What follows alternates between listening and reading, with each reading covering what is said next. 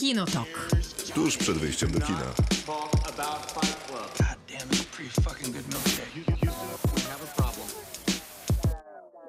Krzysztof Majewski. Miłosława Bożek. Maciej Stasierski. O, Maciej znowu krzyczy. O, przepraszam. Gdyby kiedyś w tym Zdążyłem. programie albo w podcaście poziomy dźwięku były jakieś nie za bardzo, to dlatego, moja że wina. moich współtowarzyszy y, wieczornych nie da się odpowiednio ustawić. Ci- współtowarzysze i ws- współtowarzysz, współtowarzyszka, wszyscy razem tworzymy Kinotok. Y, Jest też ten program podcastem. W poniedziałki między 22 a północą gadamy o filmach i serialach, a nasz podcast można znaleźć wszędzie tam, gdzie się słucha podcastów y, w Polsce. I zapraszamy do subskrypcji na przykład na Spotify, bo tam jest taka możliwość, a to jest dla nas nieoficjalny licznik naszych słuchaczy. A im was więcej, to wiadomo, jest lepiej. Dzisiaj recenzujemy całe mnóstwo filmów, w sumie nie tak znowu bardzo dużo, bo tylko cztery. I po dwa tak naprawdę. I Czemu po dwa? No każdy z nas recenzuje w sumie dwa. Okej, wszyscy razem zrecenzujemy Zmorę Wilka, czyli opowieść ze świata Wiedźmina, która trafiła na Netflixa i jest animacją. A później I będzie... myśleliśmy, że to będzie serial, a jest film. Tak, a później... Wszystko się zgadza. Więc to jest film, półtorej godziny, więc można ten czas poświęcić, jeżeli ktoś się boi większej ilości czasu. A później będą recenzje indywidualne. Maciej, wybrałeś kolejność. Ja wybrałem kolejność zupełnie odwrotną niż ty zaprezentowałeś, bo najpierw będą indywidualne recenzje, a potem będzie ze świata Wiedźmina. A jeśli chodzi o recenzje indywidualne, to ja zrecenzuję zupę nic Kingi. Ja zrecenzuję Czarną owcę Aleksandra Pietrzaka. A ja zrecenzuję mistrza Macieja Barczewskiego. A zanim to wszystko, to będziemy rozmawiać o najlepszych polskich komediach. Więc śmiechu będzie popachy. Popachy. Więc przypomnijcie sobie wszystkie krótkie koszule i łokcie, które was szturchały na weselach. To będziemy my przez około pół godziny.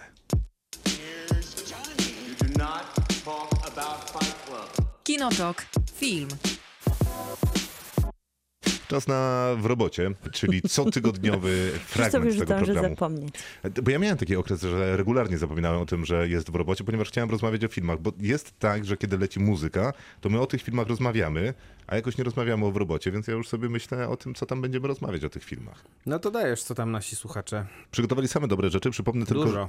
Tak, przypomnę tylko, że co piątek w robocie pojawia się na naszych mediach społecznościowych i tam pytamy o jakieś coś filmowego albo serialowego, czyli na przykład w tym wypadku pytaliśmy o najlepsze polskie Jak, komedie. jak to dobrze, że nasi słuchacze generalnie zrozumieli twoje intencje Tak. lepiej niż ty sam, bo Dlaczego? z wpisu nie wynikało, że mają być polskie komedie, albo jakbym to powiedział, teraz zacytuję samego siebie, Proszę. nie wybrzmiało dobrze, że miały być polskie. No tak, ale widzisz, nie zawsze musi wybrzmieć, żeby ludzie rozumieli. Nic śmiesznego oraz dom wariatów, pisze Aleksander. Można dyskutować, To czy jest filmy... taka komedia, że. Po- Czy, czy filmy opowiadające o różnych etapach życia Adasia Miałczyńskiego to komedie? Moim zdaniem po części tak, choć w wielu przypadkach jest to śmiech wynikający z groteskowości jakiejś tragicznej sytuacji. No i to jest przecież prawda. Ale to jednak jest smutne kino. No ale dalej taka no ale co, tragikomedia no nie dobra. nie? Tragikomedia dobra. Bardziej komediowe są chyba te starsze, które są też gorsze. Te mm, y, dwa ostatnie szczególnie, szczególnie ten jeden jak jadą samochodem i którego baby są jakieś inne. To, To... Nie, to to jest fatalne przecież. Tylko, ale to miała być komedia.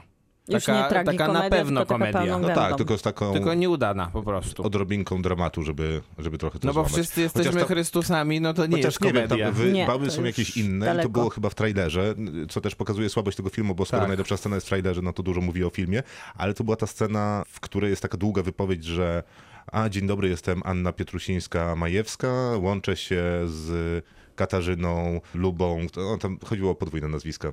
I to był świetny gag.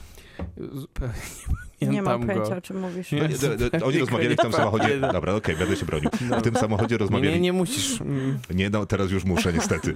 Też prawda. w tym samochodzie rozmawiali o różnych rzeczach i w końcu doszli do tego, że kobiety biorą sobie podwójne nazwiska, kiedy wychodzą za mąż, to nie rezygnują ze swojego nazwiska na rzecz męża, tylko do swojego nazwiska dołączają nazwisko męża. A, no tak, jest coś takiego. No i bohater wtedy nabija się z tego, wygłaszając taką litanię, jakby to wyglądało, kiedy prowadząca na przykład wiadomości, która ma podwójne nazwisko, łączy się z reporterem reporterką, która też ma podwójne nazwisko, a jej gościnią jest też kobieta z podwójnym nazwiskiem. I w filmie było to zabawne, więc ci, którzy widzieli, A to pamiętali, dlatego, teraz na pewno dobrzy się aktorzy. śmieją Ale do łez. wybrzmiewa nawet nie tak źle. Wybrzmiewa, dokładnie.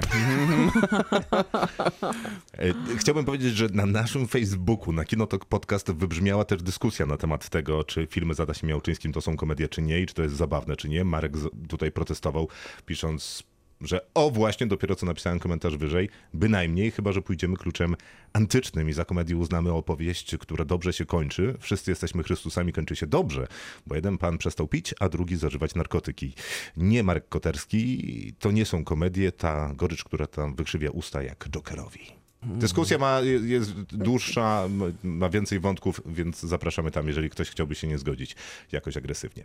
Białczyński to dla mnie zawsze był taki śmiech przez łzy, to jeszcze Katarzyna to puentuje, a poza tym pisze, że Rajusiu, napisaliście Czarna Owca, a ja myślałam, że też jesteście fanami tej komedii z 2006 roku o morderczych owcach. Cytując z netu, nękany obsesyjnymi lękami przed owcami, Henry Oldfield wraca na rodzinną farmę. Od samego początku mężczyzna przeczuwa, że na farmie dzieje się coś niedobrego.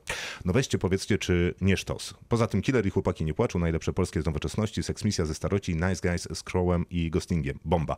To Crow i Ghosting to wynika z tego, że ja faktycznie nie doprecyzowałem, że to miały Że być polskie komedie. Mhm. Natomiast co do Czarnej Owcy, Katarzynie, odpowiem od razu, że tak, jesteśmy fanami, przynajmniej ja po części tego filmu. To jest, zdaje się... Nowozelandzkie zombie o owcach. To, zombie zombie- owce. y, Zombie owce to są. Owcołaki. Owcołaki, okej. Z Nowej Zelandii nic dziwnego, bo tam owiec jest dużo, więc jakby Tak, waria- są- wariacje gatunkowe na Są temat autotematyczni. dokładnie morderczych owiec mają sens. To jest bardzo zabawna komedia. To jest bardzo zabawna komedia, jeżeli ma się odpowiedni nastrój i odpowiednio dużą grupę znajomych we własnym mieszkaniu. To są warunki do oglądania tegoż filmu. I pizzę Znamy. z popcornem. Wiadomo. Oczywiście to jest nasz naczelny przepis do oglądania, do oglądania filmów złych. Dziwnych, może tak. Dominik, mocno niedoceniona czarna komedia Ciało oraz Król Życia. Starocie kultowe wiadomo, że dobre, ale zbyt oczywiste do wymieniania. Marek pisze, że to ja, ponieważ przegapiłem tydzień temu adaptację gier, to od razu upiekę dwie pieczenie przy jednym ogniu. Jedną z moich ulubionych komedii jest Trop, angielskie Clue, adaptacja gry planszowej Cluedo z, dosłow, z cudownie absurdalnymi zwrotami akcji i fenomenalną obsadą. Polecam e, sprawdzić. No więc y, ja chyba kiedyś grałem w Cluedo, natomiast nie miałem pojęcia, To że, jest taka detektywistyczna, tak? że powstał film. Tak. No, więc y, co do planszówki, to byśmy się zgadzali. Darek, mój top to minisi, co robimy w ukryciu. Film, mało filmów bawi mnie jak te. Bardzo lubię E równa się MC kwadrat i poranek Kojota.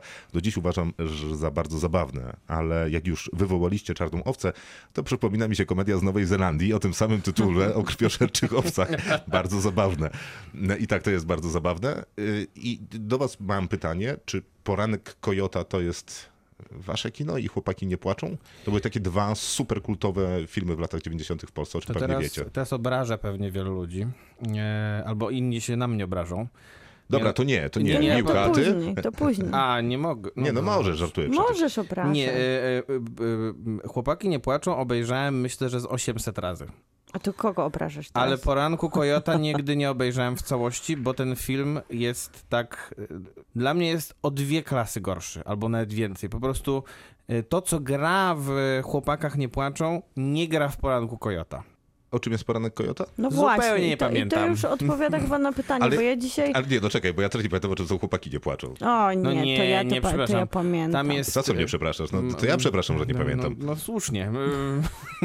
Tam jest e, Maciej Sztur, Gdzie? który w w Chłopakach nie płaczą. Tak. I gra muzyka zawodowego. Na studiach A, skrzypka. okej, Tak, czyli świnia, skrzypka świnia to gra. taki Tak. y, y, Plus- to taka świnia z Afryki. E, Plus druga, e, jakby drugą, drugi wątek e, jest związany z nie, Mirosławem Zbrojewiczem i z Cezarem Pazurą i oni grają mafiozów, Mhm. którzy... Krzysztof, Je- Krzysztof Jerzyna ze Szczecina. Nie, to jest z poranku Kojota. A, okej, Właśnie. no dlatego widzisz, dla mnie to są dosyć te same filmy. No i oczywiście jest trzeci wątek, gdzie e, takiego bossa mafii warszawskiej gra Bogdan Łazuka i tam jest słynna scena, o której, w której Bogdan Łazuka mówi swojemu synowi granemu przez Michała Milowicza, żeby zabrał swoich gości do Muzeum Lotnictwa. Czy to jest ten film, w którym on, Daj piątaka. czyli Michał Milowicz chodzi do psycholożki, z którą pije? Pytasz o która później teraz... się załamuje Nie. i piją O. razem? Nie. Nie, to nie, są ten chłopaki, nie płaczą. A to jest poranek Kojota w takim Tak, wypadku. możliwe. Czyli jednak ty lepiej znasz poranek Kojota niż ja. No, no, trudno powiedzieć. Dla mnie to są bardzo, to są te same filmy. One reprezentują Bo te same lata, Maciej Sz- ten sam styl. To prawda, ale też Maciej Sztu- Sztur chyba tutaj mocno... Ale on nie gra w obydwu filmach. No Gra właśnie tylko w poranku gra. Kojota. Gra tylko w chłopakach nie płaczą. masz rację. No i właśnie, to jest problem, że ja dzisiaj sprawdziłam sobie Jest. specjalnie poranek Kojota, bo byłam pewna, że go nie widziałam. Jak zobaczyłam trailer, to stwierdziłam, że Nie, nie, chyba nie, sekundę. jednak W go poranku widziałam. Kojota gra, ym, y, Tak. gra Nie, jest Maciej Paweł Sztur. Delong, Jest, Maciej to- Sztur jest młodym rysownikiem komiksów. ale to nie jest chyba jakaś główna rola. Nie jest, ale, ale tam jest całkiem, sp- sp- bo ich jest tam czterech bodajże e, chłopaków. Miłowicz E, jest. I Piotr, ten, y, Andrzej Neyman, dobrze kojarzy? Ten taki, co grał w Złotopolskich. Bardzo możliwe. No dobra, nieważne, zostawmy to. To nie jest taki ważny film dla polskiego kina. Który? Poranek Kojota Tak, czy Chłopaki nie nie płaczą jest bardzo ważny, bardzo ważny. Nie, wydaje mi się, że oba są jednak bardzo ważne, bo e, ja mam znajomych, czy też miałem znajomych, w sensie ci, z- dalej mam tych znajomych, ale oni już nie potrafią tego zrobić, ale kiedyś potrafili. To znaczy, że w dwójkę rozmawiali ze sobą, posługując się tylko i wyłącznie cytatami z poranku Kojota i chłopaki nie płaczą. I tak jak czasami na Messengerze czy na innym komunikatorze jesteśmy w stanie komunikować się wysyłając sobie nawzajem gify, to to działo się na moich korytarzach szkolnych. Więc Że takie punchline'y leciały tak, że. Krzysztof Jarzyna ze Szczecina, a ja tam, nie wiem, Guzie Stoka Świnia z Afryki. Ale też chyba jakaś taka była w tym niezła kontynuacja, bo W ko- Chłopaki chłopakach nie płaczą są z 2000, 2000 roku, a już następnego roku był poranek Kojota, Tak. więc trochę Tam jakby tego- generalnie kręcił dokładnie. szybko. I to wychodziło chyba super płynnie, bo poranek, Tak, bo, tak. bo chłopaki nie płaczą był wielkim przebojem, automatycznie wszyscy poszli jakby trochę Tak było. kontynuację tego, bo w sumie oba filmy prześmiewają polską mafię, więc można powiedzieć, że tak. lądują Nie, w no tym jasne, ale samym to pierwszy kontekście. to był killer. E, Był ta- pierwszy był. Killer, tak. Killer tak, tak, jest tak, z 90 tak, tak, lat tak. jeszcze. Pierwszy był Killer. Znaczy ja I myślę, myślę, że te dwa w ogóle filmy to tak Killer generalnie się to też. dużo, myślę, że Killer się dużo lepiej też broni po Nie, nie, latach. killery ym, można oglądać teraz. Tak, y, a i chłopaki nie akurat, patrzą już do końca Akurat, nie tak akurat z nich to ja bym chyba też więcej, więcej tych e, cytatów był w stanie wyczy- wy- wymyślić teraz w głowie niż. Ja, ja z- nie wiem, z których wymieniam, więc No właśnie widać. E, Wojtek pisze, to ja tutaj dam małą zagwozdkę ekipie Kinotoku, czyli nam. O ja. Film Manna z 2006 roku. Więc ja nie mamo. sprawdzałem e, i chciałem wiedzieć, czy wy znacie. Nie. Miłka, sprawdź szybko. Nie, nie, nie A znamy. przejdziemy do następnego komentarza i potem będziemy walczyć. Jest, e, okej, nie, Którego nie, roku? z 2006. Uuu, to taki nie stary. Nie, no taki dosyć nowszy. Nie myślałam, nowy też za bardzo. taki jednak nie myślałam, że może jakieś lata 80. Hubert Gotkowski. Marcin budzi się w środku lasu w tajemniczym samochodzie. Nie wie dlaczego, skąd i po co się tam znalazł. Wiem, widziałam to. Takie małe kino. I całe się faktycznie dzieje, albo nie całe, bo to jest moje z jego wspomnienie, jest takie bardzo retro i to jest jeszcze przed, wiecie, retro To miłością, był które urodziły. 2006 rok. To, mogło, to, Tak. to nie było retro, to było aktualne wtedy. To było nie, to było takie wizjonerskie przed Stranger Things wykorzystanie tej trochę retro stylistyki. Dalej. Przepraszam. I 60 minut ten film tylko trwa. Z klasyki to Rejs, Hydrozagadka. Wojtek, dziękujemy. Nie znamy. Miłka myśli, że zna. Ja przyznaję się, że nie znam. Ja przyznaję, że też nie znam. Dobra zagadka, ale rozumiem, że było śmieszne, więc y, zaliczamy. Z klasyki to Rejs, Hydrozagadka. Ewa nie chce spać. y, Ewa chce spać, chcę przepraszam. spać akurat. Jak rozpętałem drugą wojnę światową i seksmisja, z nowszych zdecydowanie rewers i atak paniki. Okej, to mam komentarz do rewe- Rewers jest uznany, uznawany przez was za komedię też? Nie. Znaczy, na pewno jest to zabawny film i ma takie elementy komediowe, szczególnie związane z tą trzecią jakby kobietą, która tam, e, która tam gra, czyli Anną Polony, no i z postacią, którą gra Adam Woronowicz. Ale czy to jest taka komedia? nic nie Znaczy, ja bym powiedział, że to filmu. nie jest komedia, natomiast y, pewnie... Może czarna komedia? Czarna komedia pewnie tak, ale też komedią pewnie jest to, co ludzie stwierdzają, że jest zabawne dla nich. No pewnie tak. No więc rewers jest komedią, a atak paniki. Jest to doskonały film przy okazji. Rewers czy atak paniki? Obydwa. W sumie prawda, ale z ataku paniki bardzo szanuję tę nowelkę z Bartkiem Kostrzydowem. Tam dużo Tam, dobrego jest ale w tam dobre są w większości te nowelki, bo na przykład e, Nie, scena, w no- której rozmawia Magdalena Popłaska z Grzegorzem e, restauracji. Damięckim bodajże. Grzegorze Damięckim. Grzegorze Małe... no, że- Kiedy Magdalena Popławska rozmawia z mężczyzną w Z restauracji. mężczyzną w restauracji i naprawdę każdy mógłby być Magdaleną Popławską wtedy i to było tak doskonale zagrane w punkt, że nawet dostała chyba nagrodę w Gdyni za to. A to Tak nie jest było. ten sam wątek samolotowy, że ona najpierw siedzi w samolocie z mężczyzną, Nie, to Magdalena są, Popławska? to są dwie, Nie. dwa różne W wątki. samolocie masz, y, tam jest, w samolocie jest Artur Żmijewski. Tak, to prawda, to to jest słaba nowelka. Ta akurat jest słaba. Rany temat rzeka, pisze Marek. Żeby się zmieścić, wybieram po jednym filmie danego reżysera. Na początek Bareja, więc miś i nie ma co dyskutować. No nie ma. Przy Machulskim No był ma. większy No ja problem, ale dyskutowała. ostatecznie... Nie no, wi- wiadomo, że ty byś dyskutowała. O czym? O misiu. Nie lubisz misia? Nie da się nie lubić misia, bo wszystkie te... To, to było przypuszczenie. Wszyscy, A, nie, ale nie, bo ostatnio sobie odświeżyłam misia i nie da się nie lubić misia w takim kontekście, że zna się te skecze, te scenki, tak jak Krzysztof mówił o punchlinach z Olafa. Luboszenki, to tak naprawdę ja jestem wychowywana na scenkach z misia i one się stały jakby też częścią takiego, nie wiem, wydaje mi się, że przynajmniej moich rówieśników takiej wymiany kulturowej, że często wracają te żarty. Milka, 20 cytatów z Misia. Ale Nie, ale bardzo dobra. ale zakończenie misia, tak po latach, jest jakimś to zupełnym absurdem, który pozostawia nas takich e, skonfudowanych i jak cały film do pewnego momentu ma sens, to końcówka Nie, jest po prostu sens? Tam są, beznadziejna. tam są takie sceny połączone, tam są dobre sceny i Skecze, no. słabsze Ej, sceny. przestańcie obrażać Na przykład- Misia. Ja chcę, żeby tego Nie, nie. programu ktoś jeszcze nie, nie, słuchał. tam, y, przepraszam, y, jest bardzo dużo naprawdę wybitnych scen. Szczególnie moja ulubiona, jak jest scena, której mm, główny bohater kupuje mięso w kiosku. O, to jest Y, oraz y, jak pojawia się na, mm, Na pojawia się na lotnisku, lotnisku, no jasne. i najpierw y, daje podwawelską pani, która nie jest w stanie mu udzielić żadnej informacji, oddaje mu czekoladki, a on mówi, ale ja dałem podwawelską. A on mówi, dobrze, proszę, nie zjem panu, proszę. Bardzo to jest dobre. Po czym staje w kolejnej kolejce i y, żeby się dowiedzieć, o której wylatuje, o której wystartował samolot, który, który powinien był wystartować 15 minut wcześniej. I że lot był już przecen- i że już jest przeceniony. I wtedy pada pytanie, mm, bo on przeciska się przez tą kolejkę w taki sposób, że mówi, że żona urodziła syna. I ym, lekarz, który stoi w kolejce, się pyta, ile syn waży. On mówi 12 kilo. I wtedy pada też znakomite zdanie: y, słuszną linię ma nasza władza. Tak, Maciej, to wszystko prawda. Przepraszam. Natomiast już- mam wrażenie, że opowiadanie Misia w radiu, Ja wiem. Chociaż w zasadzie te Miało to swój urok. Nie, bardzo najbardziej dobrze lubimy mi te żarty, które lubimy. Bardzo Uważam, dobrze. że bardzo dobrze mi Nie, poszło. nie, poszło ci bardzo dobrze. Ja tylko stwierdziłem, że to po prostu opowiadałeś historię, której wszyscy znali puentę, ale z To drugiej prawda. strony takie żarty być może i najlepsze. Yy, jeszcze Marek tylko końcowo, że przy Małchulskim był większy problem, ale ostatecznie najbardziej seksowna misja wygrywa. Wcześniej był rejs Piwowskiego i warto też wzmiankować gangsterów i filantropów Hoffmana. Tam jest jeszcze parę yy, wskazań, ale chcę, żeby zostało coś dla nas. Mm, Dobrze, słusznie.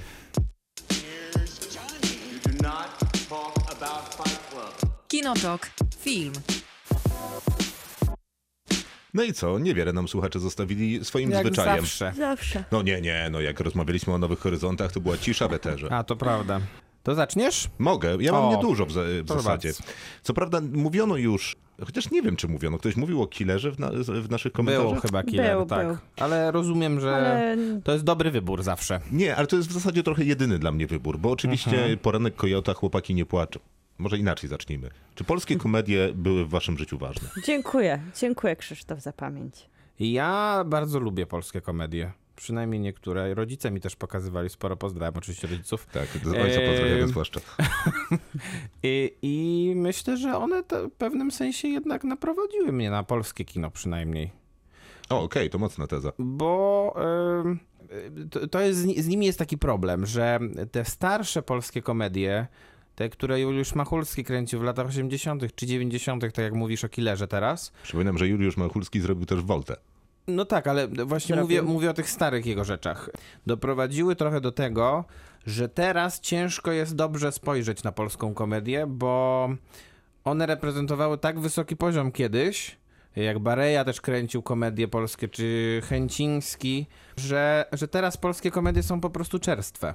Powstawa, powstają Ale to też w jest, e, XXI wieku. Jakby konkluzja jest taka, że zaczynaliśmy Że z takiej wa- wysokiej tak, tak mi się poprzeczki, że wydaje. nie, ob- nie obroniliśmy się Troszkę mi się współcześnie. tak wydaje.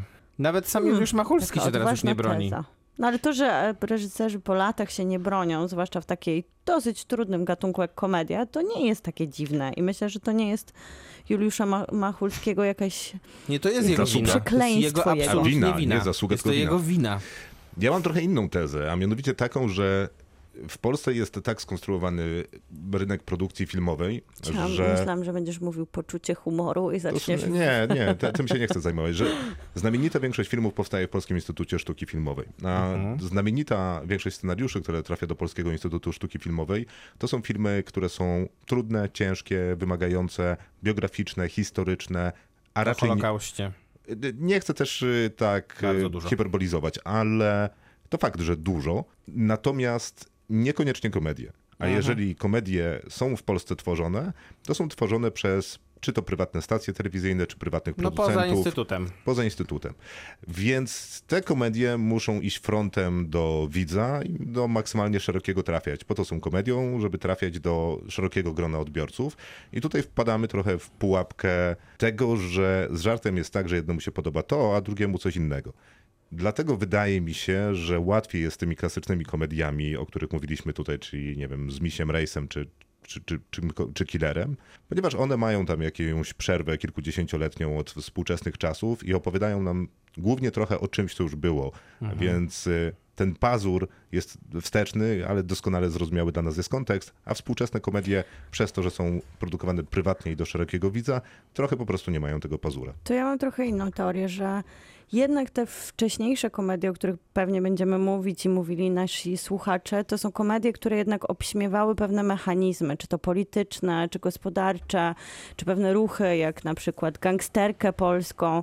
A ostatnio komedie nie skupiają się na tym, żeby obśmiewać Polskę, tylko na przykład to są komedie romantyczne i one znajdują jakiś język w takim zadowalaniu nas żartem spoza naszej rzeczywistości, który ma trafić niby do każdego i zwykle nie trafia do No nie, nikogo. no tak, ale to Czyli jest to to, jest o taki czym- suchar bezpieczeństwa To jest to, o prostu. czym mówię, że wtedy miały pazur, teraz nie mają pazura, a uważam, że to wynika z tego, że posiadanie pazura dzieli publiczność, a nie chcesz dzielić publiczność, jak robisz komedię, bo chcesz, żeby przysz- przyszli wszyscy i może nie wszyscy będą cię do- bawić doskonale, No ale, ale wszyscy będą bawić się średnio. publiczności, wręcz przeciwnie przyciągnęła naprawdę w tamtym czasie to było jedne, jedne z lepszych wyników. Podobnie było z Nie King pamiętam Size'em. tylu nagich kobiet w, od czasu seksmisji w polskim filmie. No, w- no ale I to nazywam pazurem.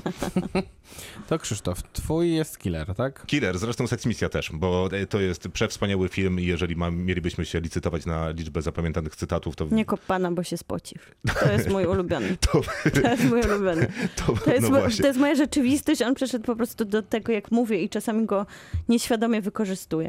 Nie, no ale to Chłopaki nie płaczą, czy wspominany Poranek Kojota, to też są filmy, które e, zatrzymały się w języku na dłużej. Tak, tak, I zresztą Killer wydaje mi się, że też. e, Na pewno. na pewno. Tak, lewa jego, lewa jego mać, e, chodzący killer z kawą dla siary. Poza tym tam Memory 5 to już Tak. myślę, że I wszystko być może jasne. wychodzi z obiegu, ale jeszcze dla pewnych pokoleń Absolutnie nie. jest zrozumiałe. Tak? Myślisz, że Ja cały czas używam. To z No to- mojego obiegu nie wychodzi, to jest najważniejsze. skoro ty y, używasz, to jest najlepszy dowód na i to, że wychodzi z obiegu. Ten, tu, tu ryba, wzywam cię akwarium.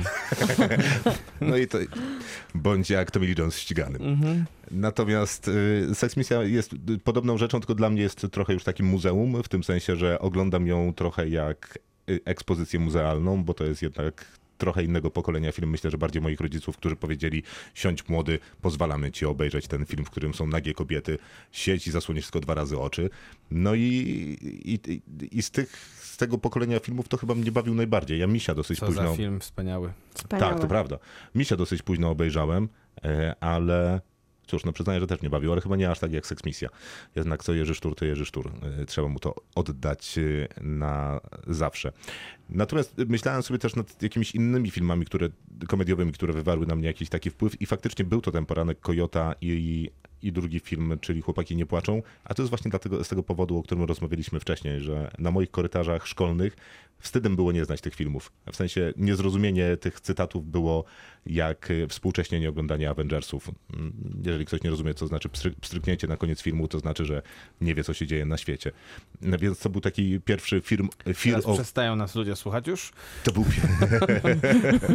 to była pierwsza taka sytuacja, w której odczuwałem fear of missing out, czyli zjawisko. FOMO. Tak, FOMO, które, zjawisko, które rozpoznałem bagatela 15 lat później, e, czy tam może nauka bardziej rozpoznała niż ja. E, I jeden serial, który bawił mnie bardzo dobrze, a poza tym świetnie mi się z nim spędzało czas, e, to Rodzina Zastępcza. Piotr Frączewski absolutnie nie do podrobienia, zresztą to się tyczy większości jego ról Mm, i nigdy nie sądziłem, że powiem to publicznie, ale Maryla Rodowicz jako rozwrzeszczana ciocia była naprawdę urocza. No nie, to przepraszam, e, a jednak mogę coś dodać do tej rodziny zastępczej? Pewnie, czemu miałbyś nie No móc? właśnie. E, bo to nie tylko te dwie osoby, bo jeszcze dwie są ważne w Mhm. rodzinie zastępczej. Znaczy tam te jest sporo Te ważnych. dzieci, te dzieci są chyba najmniej ważne niestety w tym film, w tym serialu, natomiast e, myślę, że Jarosław Boberek, który gra tam policjanta, A, A, prawda. jest Przecież. absolutnie, absolutnie genialna to jest postać. I bardzo, bardzo I komediowa. naprawdę, y, naprawdę ja, y, ja uwielbiałem wtedy i i ze względu na ten, fi- na ten serial i też na serial Matki, Żony i Kochanki Gabrielę Kownacką, niestety już dłu- od dłuższego czasu nieżyjącą aktorkę, mm, która... No to było takie, to było takie uosobienie klasy fil, y, takiej serialowej, aktorskiej dla mnie i rzeczywiście ona świetnie współpracowała na ekranie z, z Franceskim. Ja czekam, aż ktoś wpadnie na ten bardzo zły pomysł, żeby zrobić remake Rodziny Zastępczej. O, z kim? Z Piotrem Frączewskim? No, tak, i, ale z kim jeszcze właśnie? No jakimiś Bo Gabriela. Kownacka jest nie do, za, nie, do, nie, do, twarzami. nie do jednak podrobienia. No Jest, myślę, jest, że jest. też nie Ale jest to serial do dobrze- robienia na nowo. Mhm. Jak pełna chata trochę, Ja to przyjmuję- jest ten sam kazus. Przyjmuję zakłady, że w przeciągu pięciu lat będziemy mieli remake Rodziny Mogłeś teraz kogoś przypadkiem sprowokować i uruchomić Lindą? lawinę. Być może. Z Bogusławem Lindą. E, Maciej, Y, To ja bym zaczął od Alternatywy 4. To Okej. jest serial oczywiście z lat 80. em, Stanisława Barei. Mając, nie wiem, chyba z 10 odcinków, więc to naprawdę nie jest wielki Miniserial. angaż. Tak, można powiedzieć miniserial na, na, na aktualne... Serial jakościowy. na aktualne warunki. No i, no i niezapomniana rola e, Romana Wilhelmiego, który tam gra gospodarza domu Stanisława Anioła. I jest to naprawdę mm, Duża rzecz. Coś, co, coś, co wyszło poza ten serial, e, ta rola jego. Zresztą kilka innych świetnych ról tam też jest. Niestety większość z tych aktorów już nie żyje, bo z jednej strony mamy też Witolda Pyrkosza, który gra tam e, słynnego balcerka, czyli faceta, który mm, jest właścicielem gołębi, a z drugiej strony e, takiego bardzo, dobre, bardzo dobrze kojarzonego na przykład z kabaretem Olgi Lipińskiej, aktora Wojciecha Pokorę, który potem był bardzo dobrym też teatralnym reżyserem mm, i który gra tutaj docenta, e, który z kolei e, strzela do zwierząt. I nie ma gdzie strzelać, więc strzela w domu często. I ma takiego bardzo dziwnego psa. Więc to jest to. mój ojciec był fanatykiem strzelania. E, To się stąd wzięła ta pasta internetowa. O proszę. Nie, nie, żartuję. A, rozumiem. e, też z lat 80. jest taki film, który, który odnalazłem, e, który nie odnalazłem go na żadnej liście takiej, takich komedii klasycznych, ale wydaje mi się, że to jest, e, to jest fajna, fajna, fajna komedia całkiem, która się nazywa e, nomen omen Komedia Małżeńska. To jest taki film, w którym dwie główne role gra Ewa Kasprzyk i Jan Englert. I ona opuszcza jakby swoje małżeństwo. Jan Englert musi się w, musi stać się e, e, tą panią domu de facto, a ona jedzie do Warszawy robić karierę. E, Po czym wraca i rzeczywiście te role są poprzestawiane. Jest to bardzo ciepły film i myślę, że całkiem też zabawny i... Z którego roku jest to film? Oj, nie pamiętam. Aha, okej. A ty pamiętasz? Nie, nie, nie, ja nie widziałem. Zaraz sprawdzę, ale nie pamiętam teraz. e, Nie, bo tak. wszystko zatacza koło, bo w zasadzie teraz robi się takie same filmy. To też prawda. Yy, oczywiście zgadzam się co do tego Killera. To jest, to jest bardzo ważny jednak film w tym gatunku, naprawdę, więc nie ma, nie ma co go. Nie ma co się powtarzać w tym zakresie. Nie, nie ma, ale warto, żeby to wybrzmiało. Żeby wybrzmiało, To tak? jest niepodważalny film Ale akurat. co do, co do samego Juliusza Machulskiego, to ty mówiłeś o Sex Missy też. Mhm. To ja bym powiedział jeszcze o Wabank i Wabank 2. Okej. E, szczególnie Wabank, myślę, pierwszy, czyli film, którym Juliusz Machulski wszedł w ogóle do polskiego kina, bo to był jego debiut fabularny i film, który dość mocno naśladował żądło z Robertem Redfordem i Polem Newmanem. Mm, No ale jednak nadał tej historii takiego, takiego swojego, swojego sznytu. No i tam niezapomniane też role, tak? A i tak wszyscy mówią o Ocean's Eleven. Dokładnie, no ale to wiesz, no ludzie się, ludzie nie, są młodsi coraz, tak? Nie, nie wiem. No? Ostatni film. E, nie, to był ostatni. Okej. Jak jeszcze sobie coś przypomnę, to powiem po miłce, Nie, ale nie już potrzeba. nie powiem. Pewnie. To ja trochę się cofnę do tego pytania, czy polskie komedie były dla mnie ważne w życiu i Odpowiesz na dochodzę, nie po raz drugi. Nie, ja nie odpowiadałam i odpowiadam sobie też trochę tym moim wybio- wyborem, że jednak nie były. Ja po prostu chyba nie przepadam za komediami, ale ja No, za bardzo polskimi. lubię... Za Jesteś strasznie polskimi, tak. poważną osobą. Nie, Właśnie. bo ja kocham brytyjski humor i wycho- wychowywał mnie trochę Monty Python. I dlatego, i to jest w ogóle fenomen. Na pół. I to jest. Fe... nigdy, nigdy. I to jest chyba fenomen mój, jeżeli chodzi o stosunek do komedii i do polskich, bo jest to program, do którego wracam do dziś. I wracam z miłością, i jest to za chwilę dalszy ciąg programu. Jest to telewizyjny program satyryczny prowadzony przez Wojciecha Mana i Krzysztofa Maternę, który składa się po prostu z serii wspaniałych skeczy, które tam mają, oczywiście e, jest ta konferencjerka Mana i Materne, ale też jest gabinet lekarski, kuchnia pełna niespodzianek i takie gagi, które wracały po latach i które po prostu cieszyły się popularnością. Też dzisiaj doczytałam, że ludzie kochali cykl o rodzinie mafijnej. To na przykład mnie dziwi, bo ja jednak na przykład właśnie doktor Werner i siostra Irena to były wspaniałe epizody. I koło fortuny, tam przecież był krąg obfitości, więc to jest coś takiego komediowego, taki temat komediowy, który wraca i dalej mnie cieszy. I ponieważ tak naprawdę to dosyć długo trwała emisja, bo to miało 6 lat, emisja 88 zaczęła się emisja, to tych skeczy jest mnóstwo. W sensie, że jest taki moment, w którym ciężko się złapać, że coś powtarzamy i to już nie jest śmieszne i zostało przeprane. Trochę jak z Monty Pythonem i odcinkami, do których można po, lata wra- po latach wracać. No i ja mam podobnie jak wy, że Był seks... jeszcze MDM y, później, nie? Czyli Mando Materny. to- Tak, Tak. bo to ZCDCP tak naprawdę. Tak, tak, ale Skrót, który był wykorzystywany Dobry, dobry, jako dobry skrót. skrót. który z nami zostaje. nie jestem, nie jestem pewny, czy to nam się mieści w kategorii, bo przecież kiedyś będziemy mieli kategorię stand-upy, skecze i kabarety. No ale to jest trochę serial telewizyjny. No nie, no to program, jest program. No, program, program.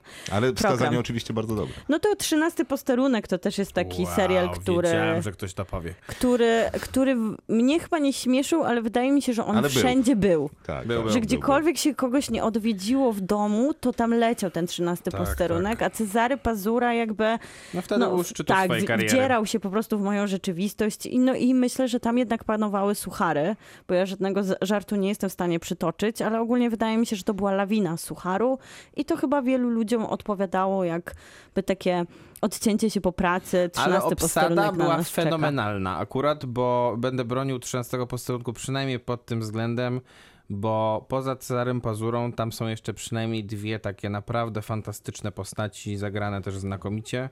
Mm, Jedna to jest e, Marek Perepeczko, czyli Janosik, który gra w tym serialu mm, komendanta tego posterunku, który jest zakochany najbardziej w swoim e, bulldogu francuskim. Władysław Słoik się Tak, nazywa. dokładnie. Nie? A drugi to jest em, aspirant Stępień, którego gra genialnie Marek Walczewski e, i który, którego cechą charakterystyczną jest to, że, że ma oczy, e, że ma bardzo chore oczy, bo ma minus 40 dioptrii. Mi do dzisiaj y, śnią się te drzwi, którymi oni ciągle wchodzili i wychodzili. I one, Były One tak skrzypiały.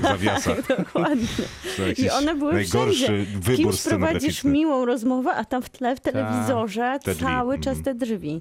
No więc jak już Juliusz Machulski był i Seksmisja, którą kocham i właśnie to jest chyba ten film, w którym najwięcej cytatów e, ze mnie to też bardzo lubię King Size.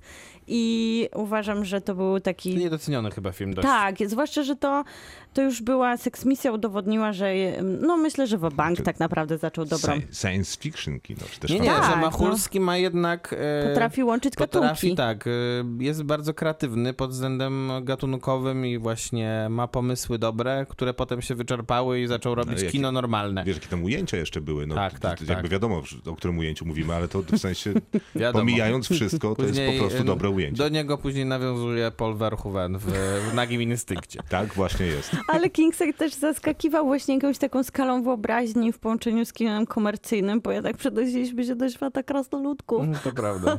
I to nie brzmi na piszczały. powo- I to nie brzmi jakby coś, co mogło się sprzedać i co mogło bawić, a jednak udało mu się jakoś tak inteligentnie i z dowcipem. Jak się nazywał Wybrnąć. ten bardzo poważny film chyba z Mattem Damonem, który... Z, e, downsizing? Downsizing. Tak, tak. Bardzo nieudany. Się- Mi się dosyć podobał. Mi się też podobało Bardzo dosyć. no. Ale nie przyznajmy się. Nie, nie, absolutnie. Możecie bronić, słuchajcie. Nie, nie, jakoś Miałam uparcie. też Alternatywę 4 jako A, okej. właśnie serial, który gdzieś myślę, że w naszych domach zagościł. Ten wąs, pamiętajcie, on to był bardzo młody człowiek na to, jaką miał prezencję wtedy, bo on miał chyba 40 lat. Ale kto? y, Główny Roman bohater, Wilhelmi? tak.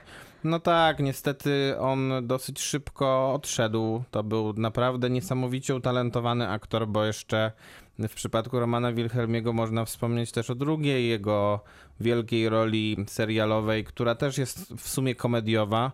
Mm, Jest to kariera Nikodemadyzmy, czyli, czyli mm, adaptacja powieści do Engi Mostowicza, w której on jest takim kanciarzem i staje się nagle niezwykle wpływowym człowiekiem. Później to próbowano w jakiś tam sposób nieudany raczej odświeżyć z Cezarem Pazurą zresztą w roli głównej w karierze Nikosia Dyzmy.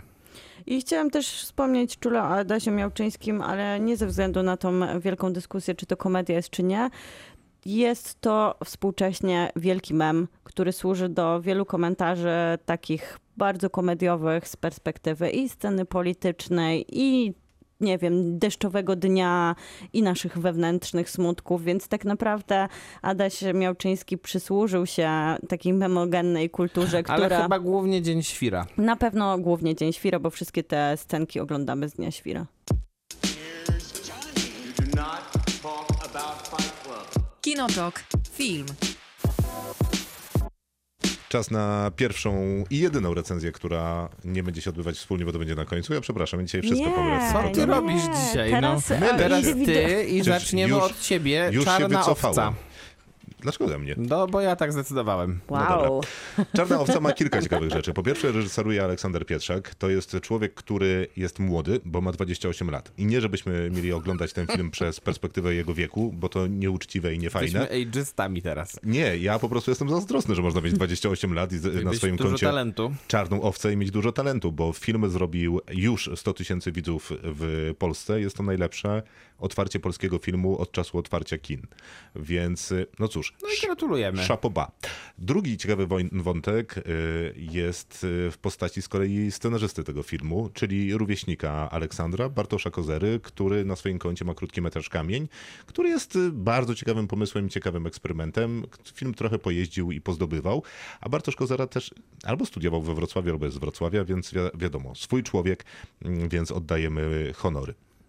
E, No i trzecią, e, trzecim aspektem jest to, że film dobrze e, zarobił. Aleksander Pietrzak wcześniej robił Juliusza, film generalnie nieudany z Wojciechem Mecwaldowskim w roli głównej. I tu jest ciekawostka z tym Wojciechem Mecwaldowskim, zaraz, zanim o filmie opowiem, ponieważ Aleksander Pietrzak ma na swoim koncie parę jakichś tam krótszych filmów, jakiś etiud i z Wojciechem Mecwaldowskim jest umówiony tak, że Wojciech Mecwaldowski gra w każdym jego filmie. Kiedyś była taka sytuacja, że Aleksander Pietrzak kręcił swój film gdzieś w okolicach Zakopanego, czyli w jednym rogu Polski. Zadzwonił do Wojtka Mecwaldowskiego i powiedział Wojtku, Wojtku, no przyjeżdżaj na plan, bo trzeba kręcić. A Wojtek mówi, no dobra, ale wiesz, no ja jestem w Gdańsku, no, gdzieś tam na Pomorzu. No i nie za bardzo będę leciał do twojego, wiesz, tam etiudy czy krótkometrażowego filmu, no bo no jednak szanujmy się, no ja jestem już dosyć wziętym aktorem. To bez przesady. I skończyło się ostatecznie tak, że Wojtek Mecwaldowski występuje tam w postaci e, swoich niemowlęcych zdjęć w albumie, który przegląda bohater. I Wojtek Mecwaldowski też występuje w filmie Czarna Owca. Tak. Ale I też teraz ma cameo? proszę Też ma cameo? sobie poszukać. Maciej, ty naprawdę się nie umiesz bawić. Wiem. Królu spoilerów. No Ja nie wiem, jak, jak ktoś, jak, jeżeli kogoś rażą spoilery, to przepraszam. W sensie ja... Mnie na przykład rażą. ja Mnie też. A mnie Myślę, zupełnie że nie, nie. ma takich ludzi. Okej. Absolutnie są. Jestem jedną z Jesteś, nich. tak, jesteś przykładem. Naprawdę jest mi obojętne, czy ktoś mi opowie koniec filmu, czy nie. Okej, Przyznaję się bez bicia. Na najbliższy film zasuwam przed tobą, Bardzo proszę. a później zasuwam Idź na do ciebie. film Marvela, tak. Może y, być Marvel, zresztą nieważne. Pójdę na nowego Lukę Guadagnino, na... E, Bo tam będzie bardzo dużo zależało od tego, jak się film będę skończy ci na emocje, pewno. emocje opowiadał. Szczególnie jak będzie to jakiś remake. Później opowiem ci całą rozmowę z y, końcówki. Dobrze. E, wszy- b- Każdy będę zagrał po kolei. I tak będę płakał. Dobra, na szybko. Czarna owca to wielopokoleniowa opowieść, ponieważ mamy tutaj e, dziadka, rodziców i syna. E, I ktoś tu ma być tą czarną owcą, powiedzmy, że taki jest układ. A żeby dowiedzieć się, kto być może ma coś na swoim koncie, reżyser i scenarzysta wymyślili sobie taki mechanizm, że będą dorzucali nam jakieś takie kolejne jakieś kolejne problemy, które w tej rodzinie będą się pojawiały. No i jako, że ja jestem przeciwnikiem spoilerów, to nie będę wam opowiadał o wszystkich problemach, które się pojawiają, ale Nie powiedzmy, że planu. Arkadiusz Jakubik i Magdalena Popławska, którą, e, Magdalena Popławska, którzy są w tym filmie e, parą, są małżeństwem. No z tym małżeństwem to zaczyna być różnie. Kamil e, e, Szeptycki, czyli Tomek, e, ich syn, z kolei jest z Agatą Różycką, czyli Asią. No i oni też zaczynają mieć pewne problemy, bo są parą w swoim związku, zaczynają mieć problemy. Poza tym Kamil jest pranksterem, czyli robi takie fi- figi. Co robi? Nie, fikusy? Nie, jak to się mówi? Nie figi? Jest youtuberem, Psoci? który... Psoci, psoty. To mi to, to słowo mi Ale chodziło. głównie to jest youtuberem. No ale pranksterem, youtuberem I pranksterem. coraz bardziej traci popularność. Dokładnie. I żeby zyskać tę popularność, to stara się wymyślić coś razem ze swoimi dwoma współprowadzącymi i oni wymyślają... Figle. Fig... O, figle! Boże, dziękuję. Figi to nie. Jest późno. I wymyślają taki koncept, że pójdą do jakichś tam firm i oni pojadą wycieczkę dookoła świata i nazywają to... A oni im za to zapłacą. Tak, że to jest branding, wycieczka dookoła Mhm. świata. No ale nie za bardzo, no bo tam w związku się pozmieniało i tu się cały czas coś zmienia, że skoro robimy tak, no to dorzucimy jakiś mechanizm, który będzie no jakby napędzał nam tę e, historię.